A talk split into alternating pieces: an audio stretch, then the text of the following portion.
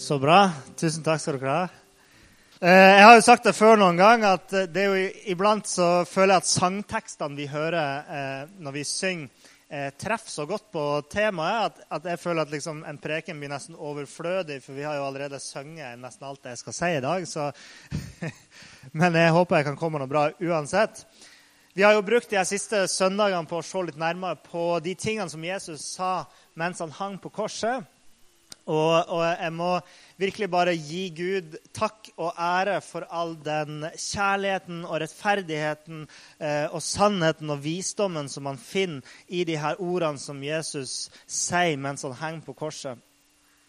Eh, og da tenkte jeg jeg vet at det er noen som er her i dag, som ikke har vært her alle de søndagene. Så jeg skal ta, for deres skyld så skal jeg ta en liten oppsummering av hva vi har gått igjennom. Det første ordet var 'Far, tilgi dem, for de vet ikke hva de gjør'. Men mens Jesus ble pint, mens han hang på korset, så ber han om tilgivelse for de som piner han. Gud, eh, Paulus eh, skriver jo da om Gud. Gud viser sin kjærlighet til oss ved at Kristus døde for oss mens vi ennå var syndere. Det andre ordet var i dag skal du være med meg til paradis. Som Jesus sa til en forbryter som hang på et kors ved siden av ham på Golgata. Og, og, Jesus sa det her i dag skal du være med meg til paradis til denne forbryteren. Fordi denne forbryteren han bekjente sin synd, og han grep tak i Jesus som hans eneste håp. Og det her løftet som Jesus gir til han, det gjelder òg for oss når vi bekjenner våre synder, vi vender oss om til Jesus eh, og griper tak i det håpet eh, han gir oss, og stoler på Guds frelse.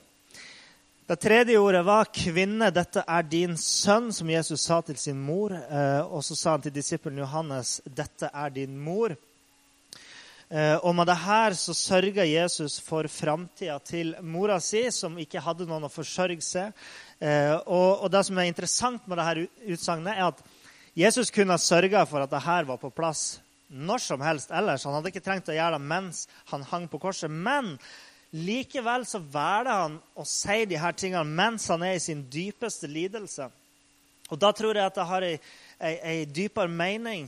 Jeg tenker at Siden han ønsker å, å, sørge for hennes, altså Marias sine hverdagslige behov i dette øyeblikket mens han henger på korset.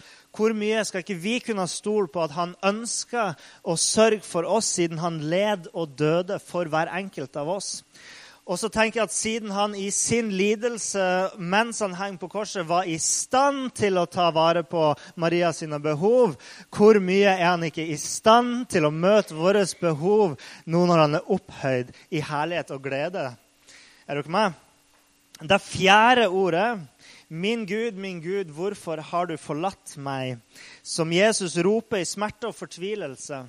Og i dette øyeblikket, når han roper ut til Gud, så kjenner han på den avstanden som synden har skapt mellom menneskene og sin far eh, når Jesus han bærer våre synder. Og Vi hører òg Jesus i dette ropet. Så sier Jesus, se hvor høyt jeg elsker deg, som vil gjøre det her for deg. Det er det han sier til oss. Det femte ordet var 'jeg tørster'. Og ved Jesu tørst så sørger Jesus for en kilde til levende vann for oss. Ironisk nok, hans tørst slukka vår tørst og ga oss kilden til Den hellige ånd. Det sjette ordet var, som vi hørte i stad, det er fullbrakt. Dette sa Jesus fordi ja, frelsesverket var brakt til det fulle. Jesus hadde oppfylt lovens krav om renhet. Eh, Jesus hadde oppfylt lovens krav om, om gjerninger. Eh, Jesus hadde oppfylt lovens krav om offer. Og Jesus han var ren og hellig og feilfri og mektig. Eh, og i Jesus så brakte Gud fram et offer, et endelig offer for, for alle våre synder, som var fullstendig fullkomment og fullstendig tilstrekkelig for alle synder, for alle mennesker, til alle tider. Frelsen er fullbrakt, sånn at ingenting kan skille oss fra kjærligheten i Kristus Jesus.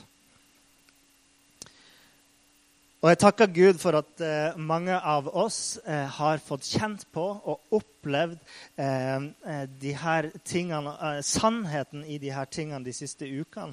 Eh, jeg har sett, stått her framme og sett hvordan folk har blitt bevega og rørt. Jeg har kjent hvordan Den hellige ånd har vært til stede her, og Gud har vært til stede og rørt ved våre hjerter. Så helt ærlig så, så er jeg egentlig ganske glad for at vi har enda en preken igjen om dette temaet. Eh, Sjøl om det atter en gang er jeg som holder preken, så dere må holde ut med meg i dag òg. Men sånn er det. Dagens tekst den står i Lukas kapittel 23, vers 46, hvis noen ønsker å slå opp der og ha med Bibelen. Eh, her finner vi det siste ordet som Jesus sier på korset. Eh, og der står det Jesus ropte med høy røst. Far, i dine hender overgir jeg min ånd. Da han hadde sagt det, utåndet han.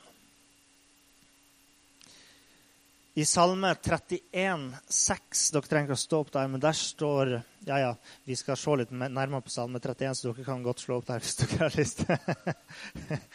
I Salme 31, 6 så står akkurat de her ordene som Jesus sier her. I dine hender overgir jeg min ånd. Og For de som var her, så husker dere kanskje hvordan Jesus åpenbarte at Salme 22 handla om han, når han eh, sier tittelen på Salme 22, 'Min Gud, min Gud, hvorfor har du forlatt meg?' Her derimot så handler det ikke om at Salme 31 er en messiansk profeti, altså en, en, salme som, en profetisk salme som handler om Jesus. Eh, men i de her ordene som Jesus sier, så kan vi se at Jesus han bekjenner den troen som vi finner i Salme 31. Så han, han liksom siterer salmen som, som, og da kan vi gå til salmen og få en større åpenbaring om hva Jesus mener når han sier det her. Og Jesus han, han var jo Guds ord, som det står i begynnelsen av Johannes evangeliet. Eh, og med det så vet vi at alt som Jesus sier, det sier han i lys av alt det som Gud, Gud har åpenbart i sitt ord. Eh, samtidig som at alt det Jesus sier, kaster et nytt lys over alt det andre som Gud noen gang har sagt til oss. Så vi må alltid se ting i lys av Jesus. Og, og ingen forsto Skriften like godt som Jesus. Ingen kunne Skriften like godt som Jesus. Sjøl ikke de som pugga hele Bibelen utenat, eh, eh, kan kunne Bibelen like godt som Jesus kunne det. Så når Jesus sier det her, så henviser han oss til Salme 31, og han eh, viser oss en større forståelse av hva det er han sier. Så uten at vi skal gå gjennom hele salmen, så kan jeg si det. Vi kan dele denne salmen i tre deler. I den første del eh, så handler det om en bønn om utfrielse og, og frelse. Og, og, og, om sikkerhet om at Gud vil besvare den bønnen. Vi kan se på f.eks. vers 3-6, eh, hvordan det går fram og tilbake. Eh, liksom bønn og så sikkerhet om at Gud vil frelse. Eh, I vers 3 står det 'Vær meg et vern'. Dette er en bønn. Gud, vær meg et vern, en klippe, en borg til frelse. Og i neste setning så er det en trygghet på at han er. Du er mitt vern og min borg. Eh, vi kan lese i, i neste i neste vers. Fri meg fra garnet de har spent ut for meg. En bønn. Og i neste setning. For du er min tilflukt. En trygghet i at Gud vil frelse. Og i vers 3. I dine hender overgir jeg min ånd. Eh, nei, i vers 6 mener jeg i dine hender overgir jeg min ånd. Du løser meg ut, Herre, du trofaste Gud. En trygghet i at Gud vil frelse og svare på bønn. Den andre delen eh, handler om vanskeligheter. Eh, David, som har skrevet salmen, han skriver om sine problemer. Han skriver f.eks. i vers 10.: Vær meg nådig, Herre, for jeg er i nød. Og så Når man leser litt videre i denne salmen, så ser man hvordan David beskriver både fysiske vanskeligheter, men òg en åndelig nød. For David han sier han er i syndenød fordi han, han bekjenner sin egen skyldighet og trenger en tilgivelse. Eh, men til tross for det så stoler David på Gud. Han sier i vers 15.: Men jeg setter min lit til deg, Herre. Så den andre, andre delen av salmen handler om eh, vanskeligheter og tillit til at Gud kan møte behovene. Og den tredje delen er lovprisning, der eh, David lovpriser Gud og sier fra vers 20.: Hvor stor din godhet er, som du har spart til de som frykter deg. Rett foran mennesker har du vist din godhet mot den som søker tilflukt hos deg. I vers 23.: Jeg sa i min angst, jeg er støtt bort fra dine øyne, men du hørte min bønn da jeg ropte til deg. Så når vi vet hvor godt Jesus kjente Skriften, så kan vi godt tenke oss til at når han bruker nøyaktig de samme ordene som i denne salmen, så refererer han til den, så at vi kan se hvilken eh, tro Jesus uttrykker. Så litt basert på det, at vi kan se hvilken tro Jesus har, så har jeg eh, satt opp noen punkter som vi skal gå gjennom her. Det første punktet er at Jesus han døde i hengivenhet og troskap. Paulus han skriver om, om Jesus i Filippebrevet kapittel 2, vers 8. Da sto, han sto fram som menneske, han sier det om Jesus, da Jesus sto fram som menneske, fornedret han seg selv og ble lydig til døden, ja, døden på korset. Det Jesus gjorde for oss, det gjorde han i lydighet til sin far. Og Jesus hadde en sånn en, eh, voldsom hengivenhet og troskap til sin far i alt han gjorde, i alt han sa, og i alle slags situasjoner. Eh, så, så henta han, altså Jesus henta han inspirasjon fra Skriften, fra Guds ord. Eh, og hvor mange ganger sant, leser vi ikke det at Jesus sier har dere ikke hørt det jeg har skrevet? Har dere ikke hørt det jeg har sagt? Eh, da Jesus ikke sant, eh, henta fram Skriften inn i situasjoner. Har du ikke hørt? Eh, og Jesus han levde så tett på Gud at i alle forskjellige slags situasjoner så flyter bare Guds ord ut av hans munn. Og, den, og, og, og, Guds ord møter virkeligheten i alle situasjoner. Når han underviste, når han irettesatte, så siterer han Bibelen. Når han møter en av sine livs største utfordringer og ble frista av Satan, eh, så er det Guds ord som vinner den kampen. Og som vi har sett flere ganger de siste ukene, sjøl når han henger på korset i den dypeste smerte, så er det Guds ord som ligger på hans lepper hele veien. Wow. Det er litt av et forbilde å leve etter. Og så ser vi litt barne-TV òg. Eh, og helt ærlig, altså, jeg er ikke jeg si, dessverre, jeg er ikke den beste til å sitere Bibelen ordrett i alle situasjoner. Eh, noen ganger så er det nesten som at folk tror at fordi at jeg har studert teologi, så, eller at teologistudiet handler først og fremst om å pugge Bibelen, sånn at jeg liksom kan gå og sitere Bibelen. Dessverre, og samtidig heldigvis, så er det ikke bare det vi gjør. Uh, men, uh, men så, så jeg, jeg, greier meg liksom ganske greit, men, men da må jeg alltid si sånn Det står vel noe noe sånt som Sa ikke Jesus noe sånt? Skriver ikke Paulus et eller annet som, eh, som handler om det her? ikke sant? Og så greier meg som passer bra. Jeg har jo god sånn kjennskap til, til, ordet. Men likevel så blir jeg så inspirert og oppmuntra når jeg møter mennesker. Vi har jo noen i menigheten ikke sant, som bare siterer lange bibelvers uten at som bare flyter ut fra hjertet som om det var helt naturlig. Eh, og vi skal lese om Stefanus, en av apostlene eh, til Jesus, som det står om i Apostelens gjerninger. Vi skal til kapittel 7, vers 56-60. Eh, og Her er det en situasjon der Stefanus, Stefanus er ute og evangeliserer. Eh, og Han har holdt en lang tale for en folkemengde. Eh, og denne folkemengden tar ikke akkurat så godt imot det Stefanus hadde å si. Og akkurat her så avslutta Stefanus, eh, Stefanus talen sin. Sorry, jeg ser det på gresk. Stefanos. Da sa han, 'Jeg ser himmelen åpen og menneskesønnen stå ved Guds høyre hånd.' Men da skrek de høyt og holdt seg for ørene, og alle som en stormet imot ham. De drev ham foran seg og steinet ham utenfor byen. Mens de steinet Stefanus, ba han og sa, 'Herre Jesus, ta imot min ånd.' Så falt han på kne og ropte høyt, Herre, tilregn dem ikke denne synden. Med disse ordene sovnet han inn. Se hvordan Jesu død speiles i Stefanus sin død her.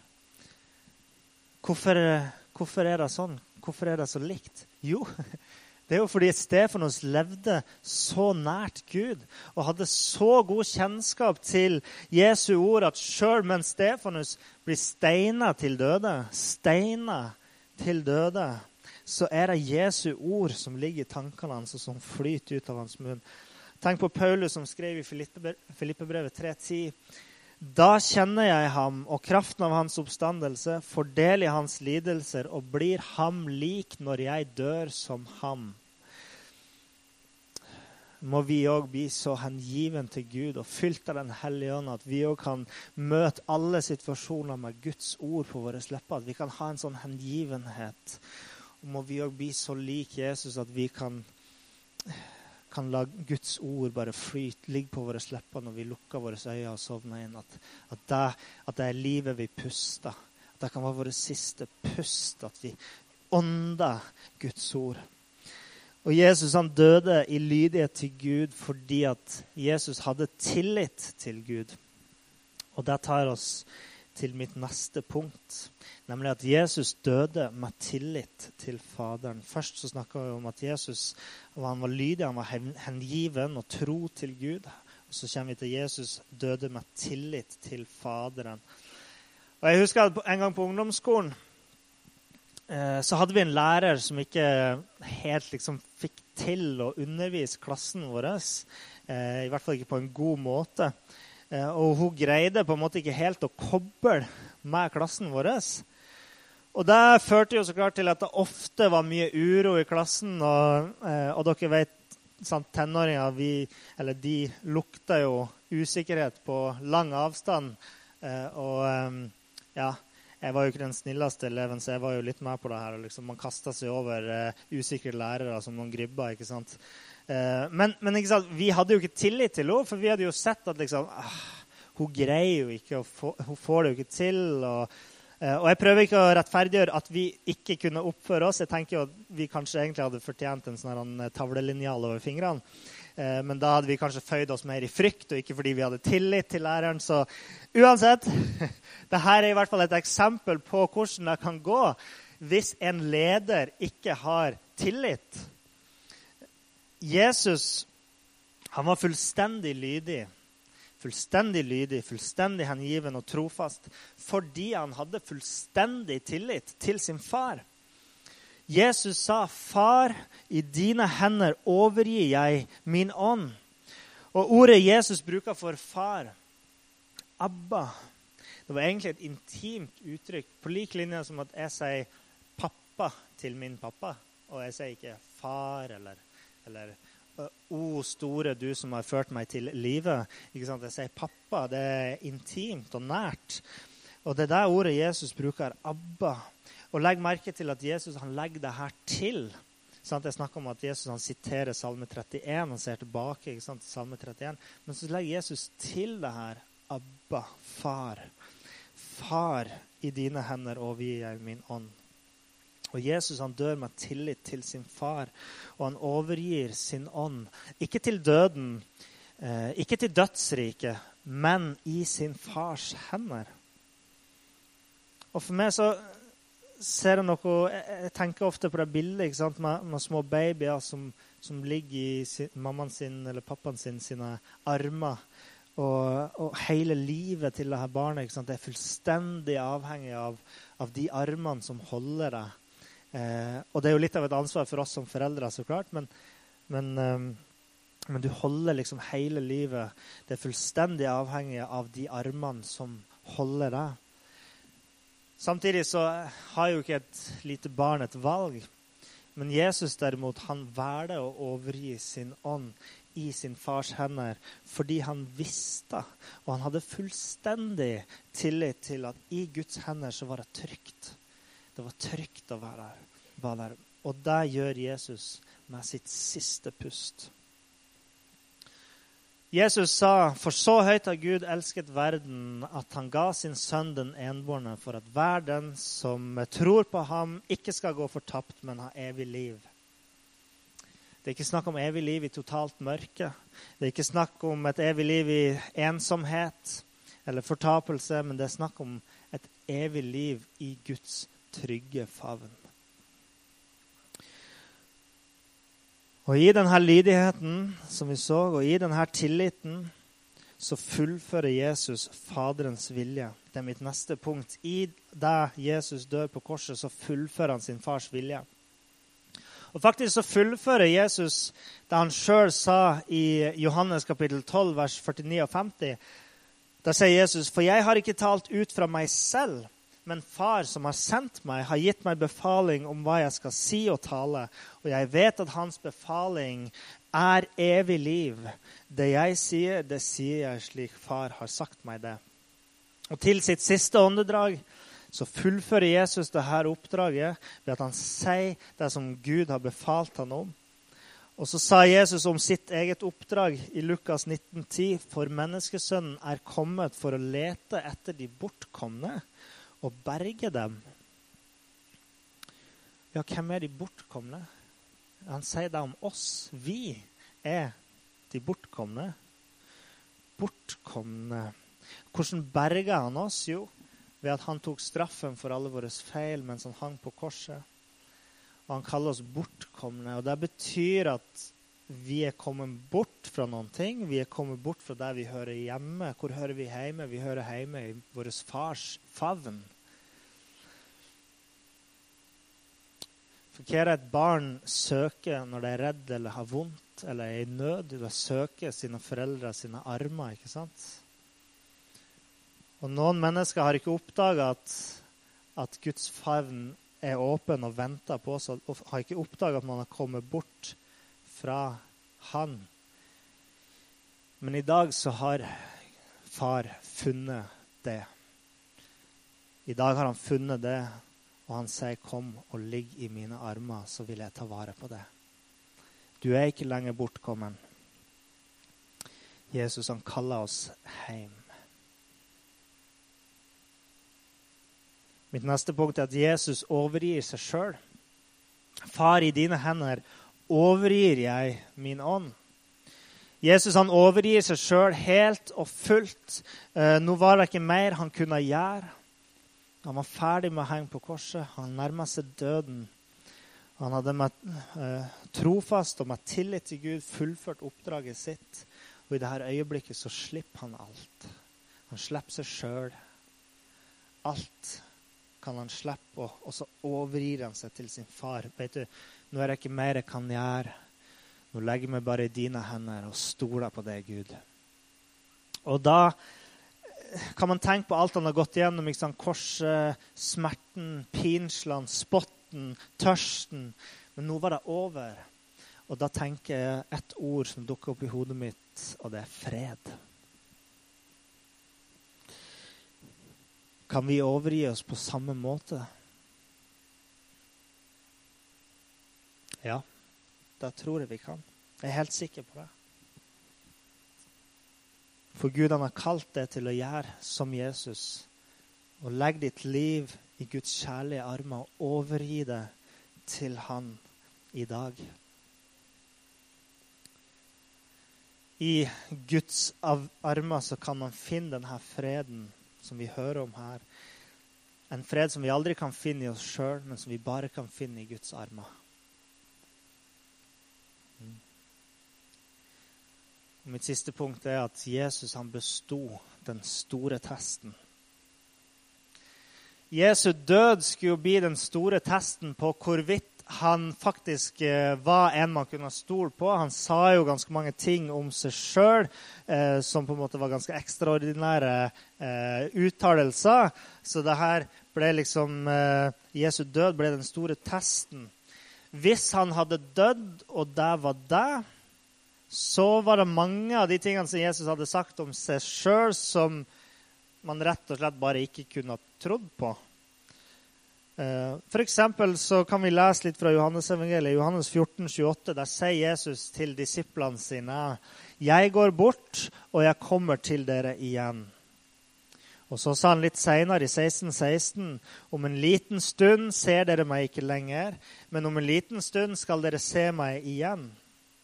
Og så igjen i 1628.: Jeg er utgått fra far og er kommet til verden. Jeg forlater verden igjen og går til far.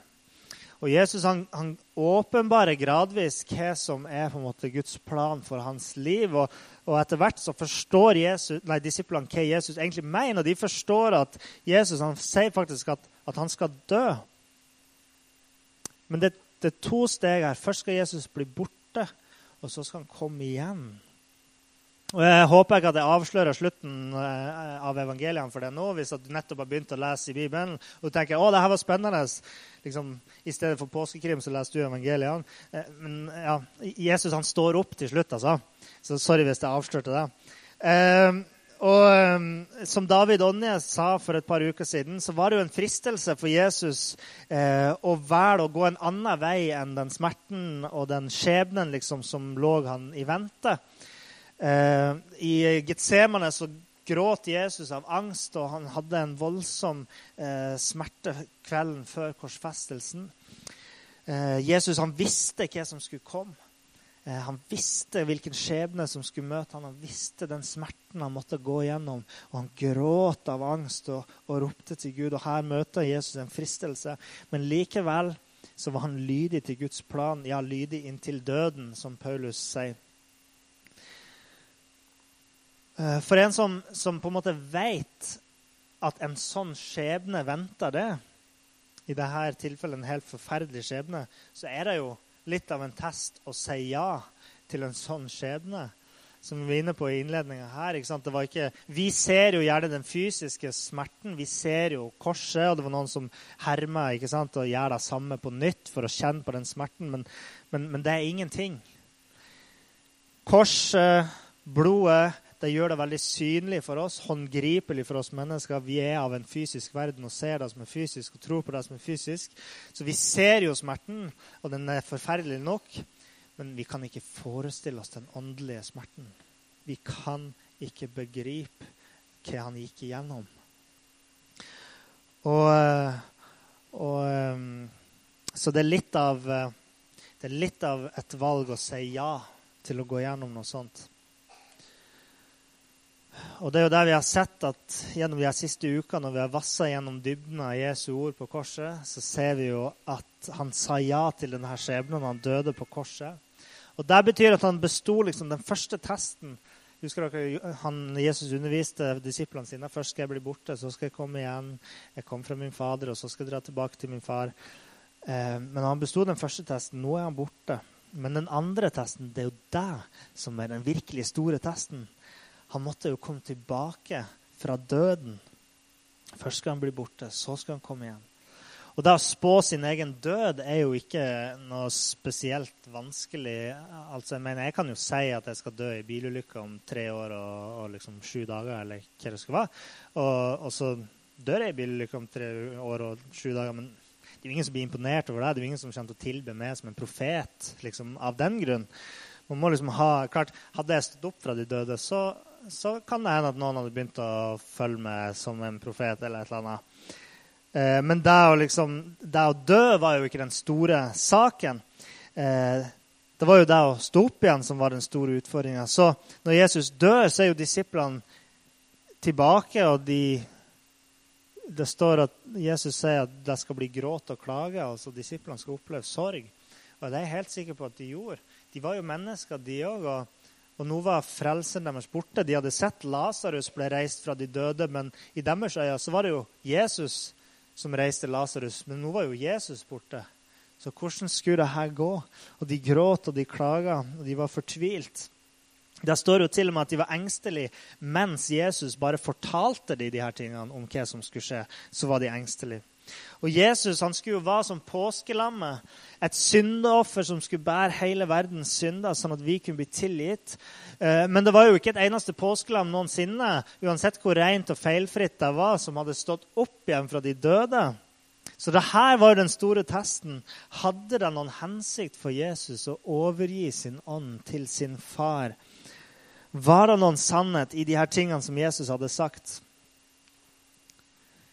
Ja, men Jesus han var ikke bare som et påskelam. Han var ikke bare syndfri og hellig og feilfri, men han var òg mektig.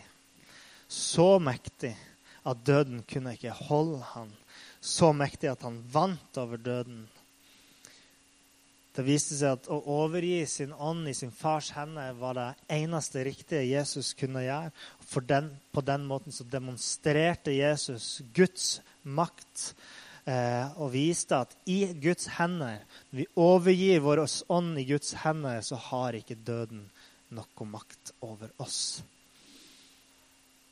og derfor så kunne vi i går spise lam til middag. Jeg har som tradisjon vi spiser lam som jødene spiste lam. Eh, og i går så kunne vi spise lam til middag jeg, sammen med vennene og sammen med familien. Og, og jeg kunne takke Gud for at jeg ikke trenger å være avhengig av det her lammet. Jeg trenger ikke å være avhengig av et offer eller av blodet til et lam for å liksom eh, håpe at jeg er på godfot med Gud. Fordi at pga. at Jesus sto opp igjen, så kan jeg være helt sikker på at hans offer var det endelige offer. Og, og pga. han så kan jeg feire påsken med fullstendig tillit om at døden har ingen makt over meg. Og Derfor så skriver Paulus retorisk Død, hvor er din brodd? Død, hvor er din seier? For Jesus han har vist meg at det er ingen seier i døden. Den har ingen makt over meg. Min tro har frelst meg. Troen på Jesus' seier over døden har redda meg fra den. Johannes, 1. Johannes kapittel 5, vers 4 og 5. For alt som er født av Gud, seirer over verden, og det som har seiret over verden, er vår tro. Jesus døde med hengivenhet og troskap. Jesus døde med tillit til sin far. Jesus fullførte sin fars vilje i hengivenhet og tillit.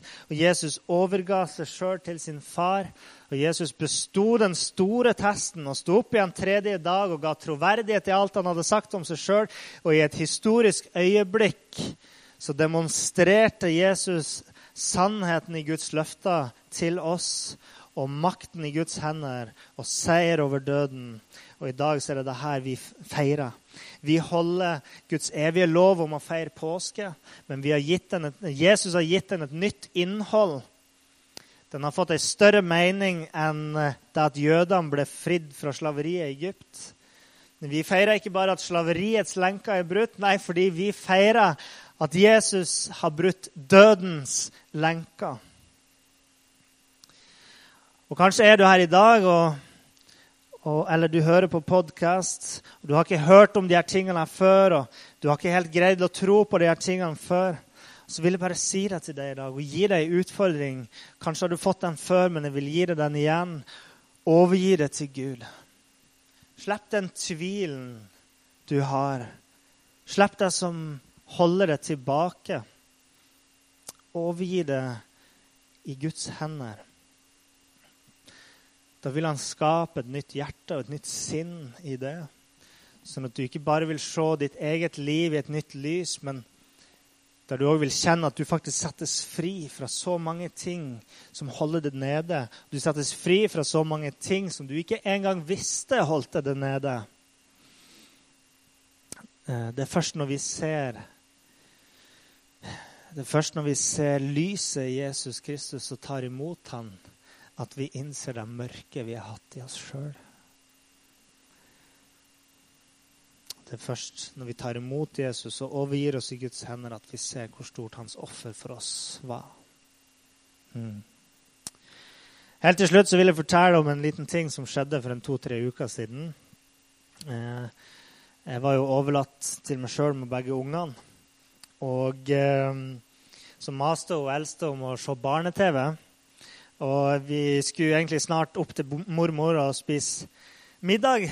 Eh, så da tenkte jeg ok, hun kan få se en liten snutt liksom, bare på telefonen min. Og da fant jeg fram en, en video bare av, av, Jesus, en scene der Jesus sier at 'la alle de små barna komme til meg'. Og man, i filmen så ser man liksom at, at Jesus holder de minste barna, og, og liksom, han er snill med de, alle, de andre, alle barna som, som, kommer til han. Og, eh, så skal vi se Ja. Så, så, ser vi denne filmen her, og så spurte, så spurte jeg Akkurat som jeg egentlig gjør uansett hvordan barne-TV Nikoline ser på. det er jo bare sånn, eh, Når du ser på Fantorangen, så sier jeg 'Å, ser du Fantorangen har en banan?' liksom, Eller 'Ja', sier hun. Det er jo bare sånn, liksom, Man snakker om det som skjer på skjermen. da. Og så spurte jeg liksom 'Ja, så du at Jesus passa på ungene?' 'Ja, det så vi', ja. Og så sa jeg 'Ja, du vet at Jesus han passa på det òg', vet du'. Men nå skal vi dra til mormor og spise middag. Nå er vi ferdige å se barne-TV. Og så sa hun nei. Og så sa jeg å, men vil du ikke til mormor, da? Nei, jeg vil på besøk til Jesus. Så, og så sa jeg, jaså, hva vil du gjøre hos Jesus, da? Hva skal du der? Jesus skal passe på meg og lillebror. Hun er to år. To år. To år. Men jeg ble så rørt, og det var ikke fordi at uh, det var ikke fordi at hun sa det, fordi hun er tross alt bare to år. Hun forstår ikke alle de her tingene som har med Jesus å gjøre. på en måte, Det med tro og ikke sant? Hun, hun, hun vet ikke det. Og noen vil jo si at dette er hjernevasking. Det mener jo ikke jeg. Jeg mener at jeg lærer henne sannheten. Men uansett, det var ikke det som rørte meg. Men, eh, men det som rørte meg, var at det fikk meg til å innse at, at hvis man hadde møtt Jesus og, og sett hvordan han levde og, og blitt tatt imot av han, så ville sjøl en toåring kjent at det her var et menneske som elska meg. Så en toårings bekjennelse Jesus skal passe på meg og lillebror, det er jo så sant og så enkelt. Det er en sånn ren bekjennelse, egentlig. Sjøl om hun ikke kan forstå alt det her. For igjen, hvem kan vel fullt ut forstå hvilken godhet han øste på meg, som vi sang i stad? Hvem av oss kan vel egentlig fullt ut forstå uansett? Men vi tar det vi ser, og vi ser Jesus som elsker oss. Så min oppfordring til det er at du trenger ikke å holde tilbake, selv om du setter oss og, og, dras imellom, imellom deg, at du føler at du forstår ikke nok til å ta et valg eh, eller du har en tvil inni det, så bare gi slipp på det. Og ta et skritt i tro. Og legg ditt liv i Guds hender. Mm. Skal vi få litt musikk? Jeg takker deg, himmelske Far, for um, de ordene som du har åpenbart for oss de her siste ukene og i dag. Uh, og jeg takker deg for at vi i dag kan få lov til å eh, feir det offer, feir påskelammet som du ble for oss, Jesus. Vi kan få lov til å feire at, at uh, du har brutt dødens lenker og satt oss i frihet. Eh, at du har vunnet over døden. Du seira over døden. Du sto opp igjen og, og, ga oss et, eh, et, tydelig og synlig tegn på at du vant over døden. Eh, ja, jeg takker deg for det, Jesus. Jeg takker deg for at du lever i våre hjerter ved din hellige ånd. Og ber om at du fortsetter å røre våre hjerter, fortsetter å overbevise oss om at ditt, ditt, ord er sant, og at du møter oss på ny, og at alle de som er her i dag, far, kan få lov til å kjenne at du, eh, du bårer det inn i hjertet, du tar det til hjertet, Herre. Og du, du, lar folk komme til tro på ditt ord. Du åpenbarer sannheten, Herre Far, og kaller folk hjem til det. La oss ikke være bortkommen, men la oss komme hjem og legg oss i dine armer. I Jesu navn. Amen.